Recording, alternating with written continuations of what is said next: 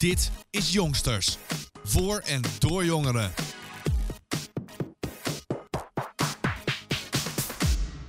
Welkom iedereen en tof dat je weer luistert naar een nieuwe aflevering. Ik ben hier weer natuurlijk zoals gewoonlijk samen met Rikst.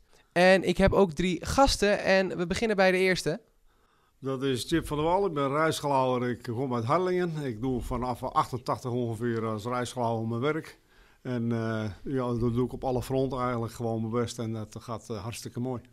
Uh, ik ben Hanna, ik ben 17 en ik woon in Leeuwarden. Ik ben Sigrid, ben 20 jaar en ik woon in Vlaanderen. En nou, ja, zoals uh, Chip al zei, Chip is rijschoolhouder.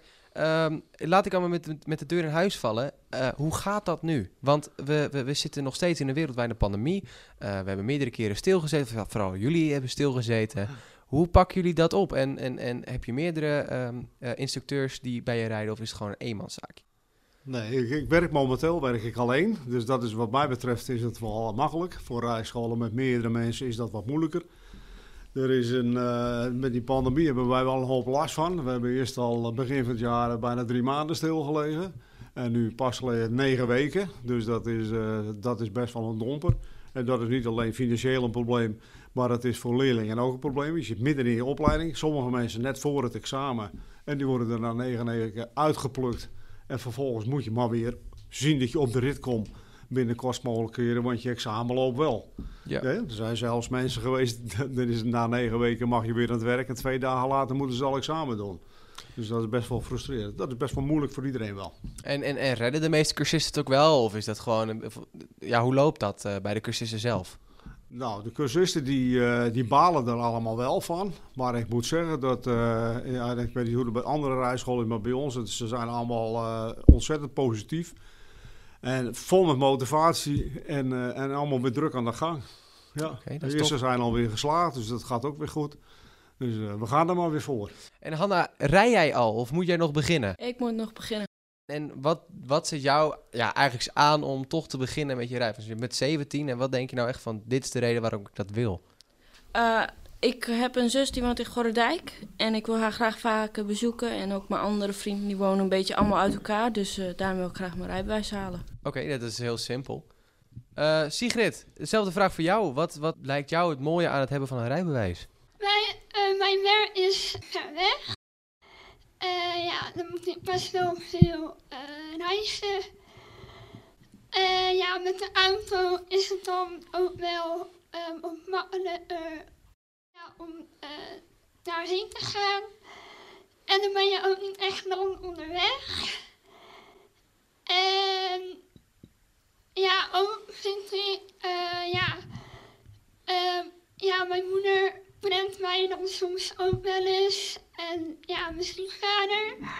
Maar ja, toch zit dat mij dan weer dwars. Omdat ze dan heel graag mij weg moet rennen. En ja, dat is voor hen ook weer moeilijk. Chip, ik hoorde jou net zeggen dat de leerlingen die moeten nou soms in twee dagen moeten ze al afrijden, terwijl ze een aantal, het aantal dagen geen les of een aantal weken geen les hebben gehad. In het nieuws lees ik een hele hoop dat het CBR natuurlijk heel op een hele negatieve manier in het nieuws is en dat ze nu ook de leeftijden weer willen verhogen naar 18 jaar. Hoe sta je erin? Nou, dat, dat, uh, Persoonlijk sta ik daar heel negatief in. Ik vind dat het is een oplossing, maar ik vind het niet de oplossing. Het is een verhaal dat je de, eigenlijk de, de vervroegde examens, mensen die dan met 16,5 al beginnen met theorie en met 17 mogen beginnen met rijden, soms met 17,5 al geslaagd zijn, soms iets eerder. Dat ligt er op wat voor kussens je doet.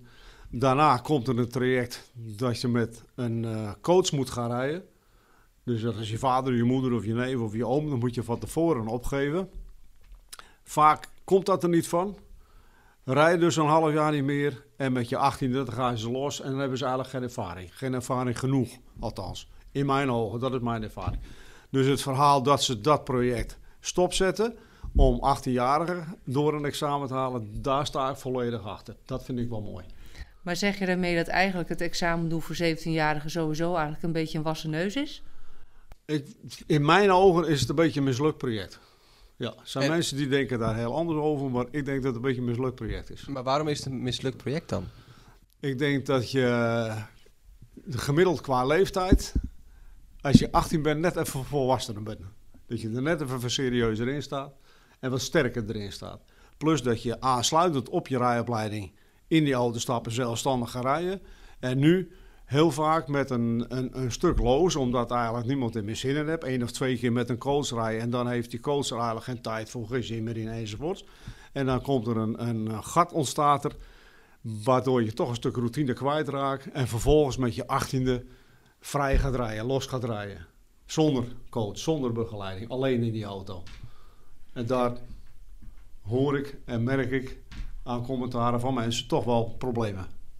Ik ben heel erg benieuwd hoe eh, Hanna en Ricardo hierin staan in dit standpunt. Ja. Nou ja, kijk, eh, persoonlijk, ik ben nu ook bezig met mijn rijbewijs. Ehm, nou, doordat, eh, eh, doordat nu alles een beetje dichtvalt natuurlijk, eh, heb ik ook een achterstand opgelopen. Dus ehm, ik moet eh, ergens in juni pas weer mijn theorie doen. En er komt nog een rijtest tussen, zoals ik off the record al zei. Ehm, over die rijtest gesproken, ehm, dat moet je dus doen omdat je een afwijking hebt op je, op je gezondheidsverklaring. En daaruit wordt dan besloten, dan word je naar een losstaande psychiater gestuurd of huisarts of whatsoever. En die gaat dan zeggen, je moet een rijtest doen of niet. Dan is mijn eh, vraag daar even snel naar Chip nog naar. Ik had dat dus ook en daar werd gezegd, het hoeft niet, maar het moet dus toch. Dus het is denk ik gewoon een verplichte rijtest, dat als daar een afwijking op staat. Ja, dat is, dat is een discutabel iets. Dat, wij horen heel vaak dat soort dingen. Dat een arts zegt, joh, er is niks aan de hand, ga gerust je gang. Dat de CBS zegt, nee, je moet toch terugkomen voor een rijtest. Dat horen we van meer mensen. Ja, Ja. oké, dus dan, ja, dan denk ik dat dat Ja. gewoon verplicht Ik, ding ik is. kan daar niet als CBR gaan verantwoorden. Dat moet het CBR zelf verantwoorden. Maar ik vind dat op zijn minst een beetje vreemd. Ja, terugkomend op Rick's vraag, inderdaad. Ehm, ik ben zelf, eh, van jongs af aan wou ik al mijn rijbewijs halen. Ik vond het gewoon leuk. Ik hield sowieso van autosport, denk Formule 1, NASCAR enzovoort. Dus het rijden vond ik altijd wel heel tof. Dus toen ik kon beginnen, ben ik ook gelijk begonnen. Ik moet dan afrijden wanneer ik 18 ben. Dat staat eigenlijk zo vast. Dus ik zit daar niet mee in de weg. Ik moet wel zeggen, ik denk dat het wel beter is dat je vanaf 17, vind ik dan hè, dat je vanaf je 17e kan rijden. Dan moet je wel inderdaad het hoop hebben dat zo'n ehm, nou ja, zo'n coach of whatsoever nog naast je kan rijden. Want anders dan kun je gewoon geen ervaring opdoen. En als er dan inderdaad een gat tussen valt, ja, dan heb je gewoon een probleem. Dat is niet handig. Maar zelf denk ik van dat het wel een handig iets is. En misschien omdat nu dus eh, de wachtrij een beetje te verkorten, wel die maatregel kan worden ingestopt, zeg maar. Eh, ik ben het eigenlijk compleet eens met eh, Chip. Want als er zo'n groot gat in valt, dan loop je al die ervaring mis. En ook de coaches kunnen niet altijd erbij zijn. Je ouders hebben het misschien druk, je broers, je zus hebben misschien allemaal druk. Dus het kan zijn dat er gewoon helemaal geen begeleiding is. Want je moet toch minimaal vijf jaar je rijbewijs hebben, mocht je zo'n coach willen worden? Ja, En dat is, kun je uitleggen waarom? Of gewoon wegens de rijervaring? Of, eh, dat is vanwege de rijervaring. Dat is al een discutabel iets natuurlijk. Want wie zegt dat die coach die vijf jaar ook veel gereden heeft? Uiteraard. Ja, toch? Ja. Dus dat is al een dingetje. En als ik nou voor mezelf zou denken, dan zou ik zeggen van nou CBR, neem dan een compromis. Zeg dan je mag met je 17,5 beginnen met rijlessen. En je mag op de dag van je 18e verjaardag wel examen doen. Dan zit je al veel dichter bij elkaar. En dan kun je na je examen, kun je ook gelijk gaan rijden doorzetten zonder coach. Ja, oké. Ja, daar ben ik het ook zeker mee eens. Maar ja, toch, je blijft altijd de jongeren houden die zo gauw mogelijk hun rijbewijs hebben. En je blijft ook mensen houden die gewoon rijden zonder rijbewijs. Ik denk dat dat nog gevaarlijker is dan dat ze vanaf hun 17e rijles hebben gehad. Hoe, hoe sta jij erin? De jongeren die rijden zonder rijles heb ik dan even over. Nou, ik, ik kan het moeilijk zeggen dat je dat promoten gaat. Dan gaat iets zonder rijbewijs, kun je niet gaan rijden. Dat moet je niet doen. Maar in de praktijk merk je wel, als ik bijvoorbeeld, ik noem maar een voorbeeld, een boerenzoon neem die op eigen terrein vaak op trekker rijdt of op, op een oude auto en daar wat mee omspeelt, die is vele malen handiger met een auto dan iemand die nog nooit in een auto gereden heeft. Ja, want dan leren ze Dat, het dat is zichzelf. gewoon een feit. ja. Hè? Maar Dus zie je dat wel die- vaker? iemand die voor zijn achttiende geoefend heeft, wat, wat niet legaal is, maar je ziet er toch wel een stukje voordeel in. Maar dat, dat, gebeurt dat vaak? Dat, het, eh, dat het mensen met ervaring... Dat gebeurt vaker dan je denkt, ja. Ja, dat gebeurt vaker dan je denkt. Wat zijn in een normale situatie de uitdagingen voor het halen voor je rijbewijs? Dus dan hebben we het over de normale jongeren.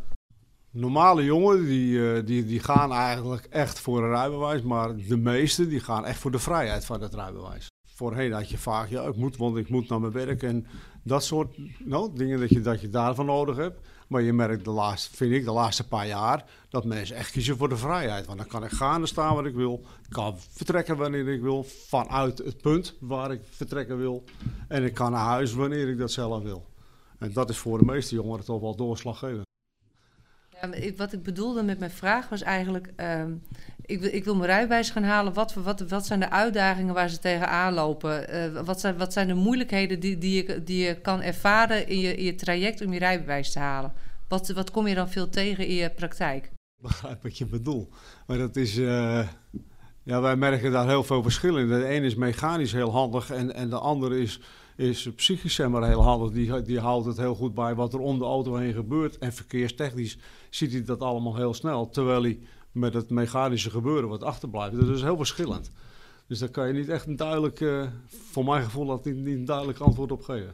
Mechanisch bedoel je echt het stukje schakelen, koppelen, het, het Schakelen, beheersen koppelen, van de techniek. ja. ja. inschatten van afremmen, dat je, dat je vloeiend afremt, dat je niet in, in fases gaat remmen, maar mooi vloeiend.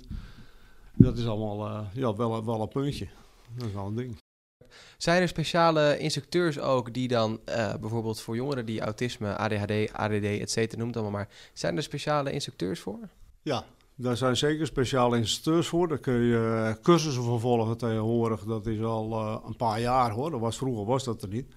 Maar tegenwoordig kun je daar cursussen voor volgen. Dus dan raak je echt van gespecialiseerd in dat werk. Dus echt gewoon dat je wel met de jongeren met een, eh, hoe kun je dat noemen, een beperking en... Ja, eh, met een beperking, daar leer je mee omgaan. En dan leer je wat die beperking inhoudt. Dus het is zeker, als je je rijbewijs gaat halen en je hebt een beperking, is het echt wel belangrijk dat je goed kijkt bij wie en waar je gaat lessen. Laat je daar goed voor informeren. We hebben onze twee gasten natuurlijk niet voor niks uitgenodigd. Die hebben we ook uitgenodigd omdat, wij, eh, omdat we weten dat ze een beperking hebben en ehm, welke uitdagingen erbij horen. En ik zou graag aan Sigrid willen vragen: kun jij ons wat meer vertellen over de uitdagingen eh, die jij ziet en eh, hoe dat komt? Eh, nou, ik heb ehm 22 UL. En dat is een aandoening. En ik heb daar ook een ja, zachte stem door gekregen. Ja, ik kan eigenlijk eh, ja, verschillende dingen bij hebben. En ja, het heet ook wel eh 22 eh UL uh, eh, syndroom. en ehm ja, en je kan ook een hart aan, mij info hebben. Ehm ja, eigenlijk allemaal verschillend is het. Wat is daarin voor jou de uitdaging om je rijbewijs te kunnen halen? Ehm, nou, mijn doel is zeg maar, ehm, ja, mensen met een beperking, eh, ja, moeten ook gewoon de kans krijgen om eh rijbewijs te halen. En om gewoon eh zelfstandiger te worden, ook in jezelf en gewoon om meer te durven. Je zegt eigenlijk, je wilt je rijbewijs heel graag halen, zodat je zelfstandiger bent en je meer vrijheid hebt. Ja. Dat heb je eigenlijk net ook al een beetje aangegeven. Maar je geeft ook aan, jou, eh, door jouw beperking eh, heb je een zachte stem. Ja, daar heb je in het, bij het rijden geen last van. Nee. Maar wat zijn wel de dingen die het voor jou moeilijk maken om je rijbewijs te halen? Je zei er net in het voorgesprek, noemde je iets. Je zei van, ik denk dat ik het heel moeilijk vind om de theorie en de praktijk te koppelen. Ja, meer, meer dat eh, onthouden. Je bent bang dat je de theorie niet goed kan onthouden. Eh, ja, en hoe je... Want het is ook wel heel erg druk op de weg. En hoe je dat eh, dan, eh, ja, bijhoudt. Oké, nou, Ja. zoals Sigrid al dus zei, ehm, eh, ze wil veel zelfstandiger worden. En ook hetgene dat je gewoon vrij bent met je auto. Eh, wat, wat vind jij daarvan? Wat, Nou, het mooie van mijn werk, en ik denk dat dat eigenlijk is wat je nu eigenlijk van Sigrid al hoort. Die zegt van ik wil een stuk vrijheid hebben. Dus het klinkt misschien emotioneel, maar je kunt dus als rijinstructeur iemand een stuk vrijheid geven. En dat, nou geven is een ander woord, maar, maar dat, is- dat, dat is iets dat, dat vind ik heel fascinerend. En de een die, eh, die, die, die pakt dat makkelijk op, de ander pakt dat moeilijk op. Maar juist diegene die het moeilijk oppakt, dat is voor, en denk 9 van de 10 reizigers, predik ik echt niet voor mezelf, maar diegene die het moeilijk oppakt, die er moeite mee heeft, dat zijn voor ons eigenlijk de mooiste leerlingen om mee te werken. Dus wat dat betreft zou het, zou het heel mooi zijn als jij je rijbewijs gaat halen. Want bij wie je gaat lessen, dat weet ik niet. Maar ik weet zeker dat dat voor allebei een enorme uitdaging is. Dat is, dat is gewoon een feit. En dat, is, dat vind ik het mooie van mijn werk. En, en dat komt gewoon omdat je dan echt een uitdaging hebt om een beetje die persoon dingen te leren, zoals het schakelen, het remmen, het koppelen enzovoort. Ja, ik vind het mooiste als je een leerling hebt waarbij wij spreken iedereen zegt van nou, die kan dat nooit. En dat ik daar toch mee aan de gang ga en dat hij uiteindelijk met de rijbewijs de deur uit gaat. Dat vind ik het mooiste, dat is kicken. Ja. En Hanna, hoe sta jij erin? Eh, ja, de enigste probleem dat ik eigenlijk mee zie is de kosten. Want mijn broer die heeft ook eh, aandoeningen. En drijfwijs zelf kost al heel veel. Maar dan krijg je ook nog al die extra kosten eroverheen. Hoe staat u daar eigenlijk in?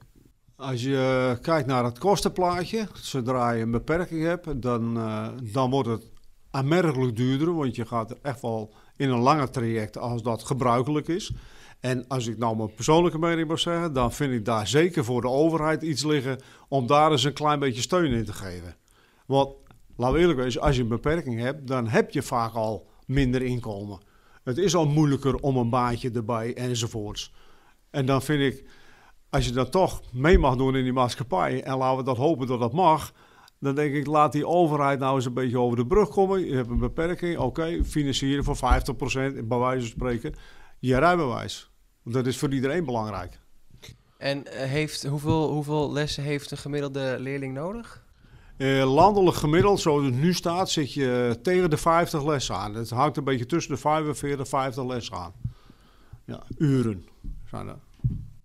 Ricardo, jij gaf net zelf aan dat jij, jij hebt eigenlijk dat traject ook doorlopen van, uh, van, een, van een specialistenverklaring en een ja. speciale rijtest. Ja. Kun jij iets meer vertellen over de extra kosten die jij daarvoor hebt moeten maken? Uiteraard. Um, nou ja, zoals iedereen weet, je moet een gezondheidsverklaring uh, afleggen. Dat kost volgens mij kleine 39 euro uit mijn hoofd, 40 euro, zoiets. Ja. En als je dan afwijking daarop hebt, maakt niet uit wat, word je naar een arts gestuurd. Nou, ik ben dus naar een, uh, psychiater, een, een psychiater gestuurd en dat kostte mij 264 euro. En uh, um, uiteindelijk uh, kom je dan op gesprek en vertel je dus van nou, wat er aan de hand is en wat, waarom je daar zit. Dan uiteindelijk krijg je een formulier opgestuurd met daarin dus wat zij daarvan vindt, of hij. Dan uh, krijg je daarna een melding van CBR, van het staat een bericht, klaar, dat is standaard zo. En daarin stond dus van, hé, je moet toch een rijtest doen. Die rijtest, dat uh, zit op een kleine, volgens mij twee lessen gemiddeld. In ieder geval bij mijn rijschool waar ik zit. daar betaal ik dan twee lessen voor.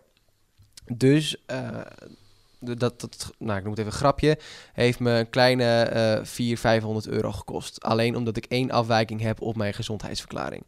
Uh, wat zorgt er dan voor dat mensen die een beperking hebben dat minder duidelijk is, dus ADD, ADHD, het niet gaan verklaren, zodat ze niet die extra kosten hebben? Nou ja, ik had dat dus ook nagevraagd inderdaad, die vraag van wat nou als ik had gezegd, nee, ik heb geen ADHD, nee, ik heb geen whatsoever. Wat dan? Nou, toen werd er tegen mij gezegd: stel jij uh, veroorzaakt een ongeluk, het zij tijdens een rijles, het zij tijdens je vrije periode, noem ik het maar eventjes. En ze gaan in jouw medisch dossier kijken en ze zien dat jij dus tussen haakjes fraude hebt gepleegd. Dan heb je gewoon een probleem, want niks wordt uitverzekerd. Niet je zorg, niet je schade, helemaal niks. Dus uh, dat is denk ik de reden, en ook voor mij, en, uh, om toch maar te zeggen ja. En ik denk dat dat goedkoper is dan je verzekering aan wordt helpen. Ik snap heel goed je standpunt dat je aan de voorkant zegt van ik betaal liever nu die extra kosten, zodat ik gewoon geborgd ben in plaats van het te verzwijgen. Maar dat is dan een vraag aan Chip. In hoeverre vind je dat hierin een reisacteur meer of minder een stem zou moeten hebben? Want er zijn ook mensen die hebben geen aantoonbare beperking, maar die zijn die hebben, die, die hebben het rijgedrag als een maniak. En die krijgen wel een rijbewijs. In hoeverre moet je dan als rijinstructeur misschien meer een stemming hebben? Nou, dan heb je wel een puntje. Want ik vind dat je als reiziger wat dat betreft wel wat onderschat wordt bij uh, het CBR.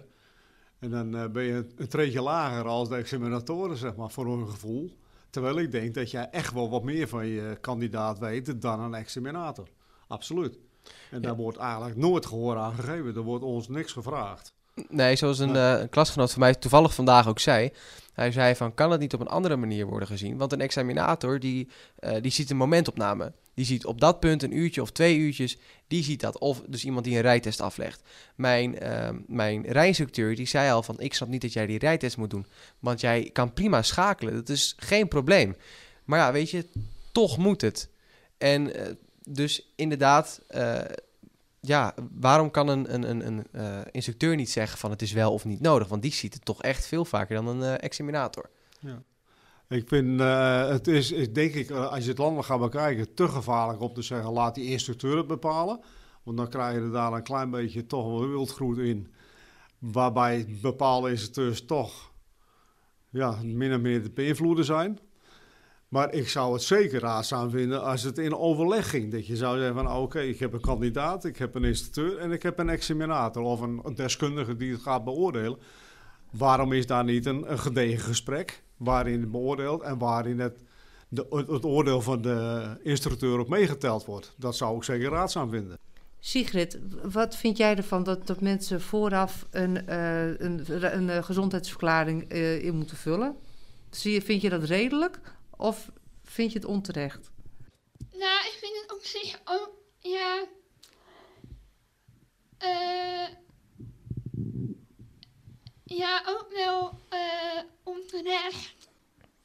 Maar ik begrijp wel dat ze een beetje informatie moeten geven. Ja, bij andere mensen hoeft het dan weer niet.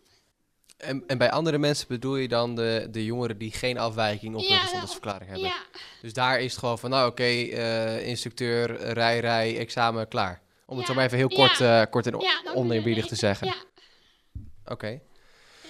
Ja, dat, ja, je blijft het houden en niet, niemand is hetzelfde. De ene die heeft 40 lessen nodig, de andere heeft 20 le- lessen nodig. En eh, ik denk ook dat het wel beter is, maar dat is mijn mening, om eh, ook een, een instructeur meer inzicht slash het woord te kunnen laten hebben op een eh, rijbewijs. Want ja, ze geven wel les, maar uiteindelijk kunnen ze niks meer zeggen als ze een, een examen doen. Dan is het gewoon van, jullie zitten daar bij CBA, doen een examen, succes. Ja, dat is, momenteel is dat eh, zeker aan de orde. Want je mag ook niet meer meerijden. Hè? Je mag niet meer zoveel mensen in de auto bij het CBR. Dus je, je levert als het ware een product af, zo moet je het zeggen. Hè? Je bent, eh, dat klinkt wel een raar product, maar zo moet je het even zien. Ik kom daar met een kandidaat. Ik ben die opgeleid. Ik weet van een god hoe ze in elkaar zitten. Ik sta erachter dat ze examen gaan doen, want anders gaan we geen examen doen. Dan begin ik er al niet aan. Want ik wil zelf ook niet voor joker staan. En vervolgens dan komt de examinator. Ze maken kennis, ze stappen in de auto. Ik steek mijn hand op, ga een eind wandelen. En na een half uur, drie kwartier zijn ze terug. En eh, wat er is voorgevallen, ik heb geen idee. Ik weet de in- en outs niet. Er wordt wel besproken. En natuurlijk vertelt die examinator wel van... nou, dit is gebeurd, dat is gebeurd. En het is goed of het is niet goed. Maar de intentie wat er gebeurd is, daar kan ik niks van zeggen. Hoe het gebeurd is, hoe het verlopen is... kan ik niks van zeggen. Ik kan het alleen maar aanhoren. En dat is het. En dat is wel wat jammer. Komt het voor dat je mensen een tijdje op rijles hebt, eh, hebt gehad en dat je, dat je op een gegeven moment echt denkt, het zit er gewoon echt niet in? Gebeurt het wel eens? Nou, dat, maar dat klinkt zo eigenwijs. Ik heb wel heel veel kandidaten gehad, maar die kwamen dan van elders, zeg maar. Maar ik heb zelf gelukkig nog nooit iemand een huid hoeven storen. Ik heb wel in die 30 jaar, ik denk misschien drie of vier leerlingen gehad, die zelf stopten. Maar iedereen die doorgezet is, dus doorgezet heeft, moet ik zeggen, die zijn ook allemaal geslaagd. Nou, daar kan je trots op zijn, toch? Ja. Hanna, jij had nog een vraag net, iets, een theorievraag en ik ben vergeten wat het Ja. was. Eh, met scooterrijwijs is je theorie eh, geldig voor anderhalf jaar. Maar voor een autorijwijs is het maar zes maanden. Waarom is die regeling zo en niet anders? Voor zover ik weet is het voor oudrijbewijs theorie ook zes of eh, anderhalf jaar hoor. Ga ik van mijn kennis uit anderhalf jaar. En met die corona, toen die erin kwam, toen hadden we uitstel zeg maar, van drie maanden. Dan verlengden ze het examen voor theorie ook drie maanden, zeg maar. Ja, oké. Dus dus- dan ging dat automatisch. Dat Dus- was de bedoeling. En ik geloof inderdaad wel dat het op een gegeven moment zelfs twee jaar geworden is. Chip, is het wel eens voorgekomen dat er tijdens een rijles een ongeluk is gebeurd? Een botsing, een, een schaafplek op de zijkant van de auto, noem het maar. Er zijn in de afgelopen 30 jaar bij mij drie autostoten losgegaan. Dus dat, dat komt voor, ja. En waar ligt dat nou, aan? Ligt het aan de cursist? Ligt het aan de automobilisten op de openbare weg? Dat ligt aan de oplettendheid van het achteropkomende verkeer. Heb ik mooi gezegd, hè? Dat is heel mooi gezegd en heel breed ook, dus het is heel Dus- makkelijk. Die auto die zit vol met reclame. Rijschool, wie dan ook. Er staat een, een L op het dak. Dat is behoorlijk duidelijk zichtbaar. Een helder blauwe kleur. Maar heel veel mensen hebben geen idee wat dat betekent. Die bedenken van laten we daar maar zo kort mogelijk achter rijden. Dat laat me handig. Oh, bij mij is het juist dat ze juist heel ver afrijden. Als ik aan het rijden ben, dan rijden ze echt drie kilometer achter mij. Ja, ik vind het prima, want dan heb ik gewoon de ruimte om te rijden. Maar mij valt op, ik zei nog ook tegen mijn instructeur van... eh, zo, die heeft geen zin in een ongeluk.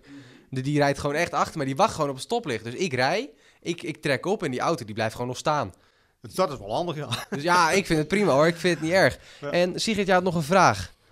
Eh, ja, hoe ga je zeg maar mee om als je een ehm, ongeluk hebt gehad?